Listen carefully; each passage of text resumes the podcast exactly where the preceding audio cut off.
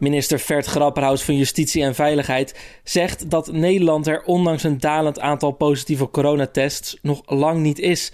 We moeten ons met z'n allen nog aan de coronaregels blijven houden en van versoepelingen is volgens hem nog lang geen sprake. Maandag maakte het RIVM melding van 4.709 positieve coronatests, bijna 1000 minder dan een dag ervoor. Het aantal coronapatiënten in het ziekenhuis steeg wel licht met 22.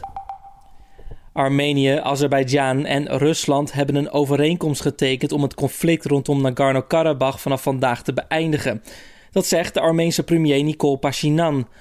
Een vertegenwoordiger van het Kremlin heeft de vredesdeal bevestigd. Verdere details zullen de komende dagen volgen. De gevechten tussen Armenië en Azerbeidzjan om Nagorno-Karabakh leidden eind september opnieuw op. Het waren de grootste gevechten in het gebied sinds 2016. De regio met ongeveer 145.000 inwoners wordt gecontroleerd door Armeense strijdkrachten, maar wordt door de VN erkend als deel van Azerbeidzjan. Nagorno-Karabakh is al sinds de jaren 90 een speel in de ruzie tussen Armenië en Azerbeidzjan. In twee dorpen in het noorden van Mozambique zijn het afgelopen weekend meer dan 50 mensen onthoofd door militante islamisten. Dat meldt BBC News. De moorden zijn de laatste in een reeks gruwelijke aanvallen die de militanten sinds 2017 uitvoeren in de gasrijke provincie Cabo Delgado. Al zo'n 2000 mensen zijn omgekomen en ongeveer 430.000 mensen zijn dakloos geraakt door het conflict. De militanten zijn gelieerd aan terreurgroep Islamitische Staat, die steeds meer voet aan de grond krijgt in het zuiden van het continent Afrika. Het Nederlands elftal speelt woensdagavond tijdens de oefeninterland tegen Spanje in een speciaal shirt. Op de tenues van de Oranje Internationals zal de boodschap hashtag One Love prijken als statement tegen racisme.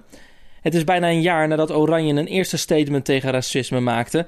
Dat gebeurde toen naar aanleiding van spreekkoren bij de wedstrijd tussen FC Den Bosch en Excelsior in de keukenkampioen-divisie. De nieuw gekozen Amerikaanse president Joe Biden heeft maandag Amerikanen opgeroepen om een mondkapje te dragen. Doe het voor jezelf, doe het voor je buren, aldus Biden, die benadrukte dat het dragen van een mondmasker geen politiek statement is. Hij hield gisteren een toespraak in zijn woonplaats Wilmington in de Amerikaanse staat Delaware. De aanstaande president maakte eerder maandag bekend wie er plaatsneemt in zijn corona taskforce. Volgens Biden staat de VS een hele donkere winter te wachten. Hij was wel optimistisch over het nieuws van een mogelijk coronavaccin van farmaceut Pfizer. In de VS zijn meer dan 10 miljoen besmettingen en bijna 240.000 doden gemeld. Dat is het grootste aantal ter wereld.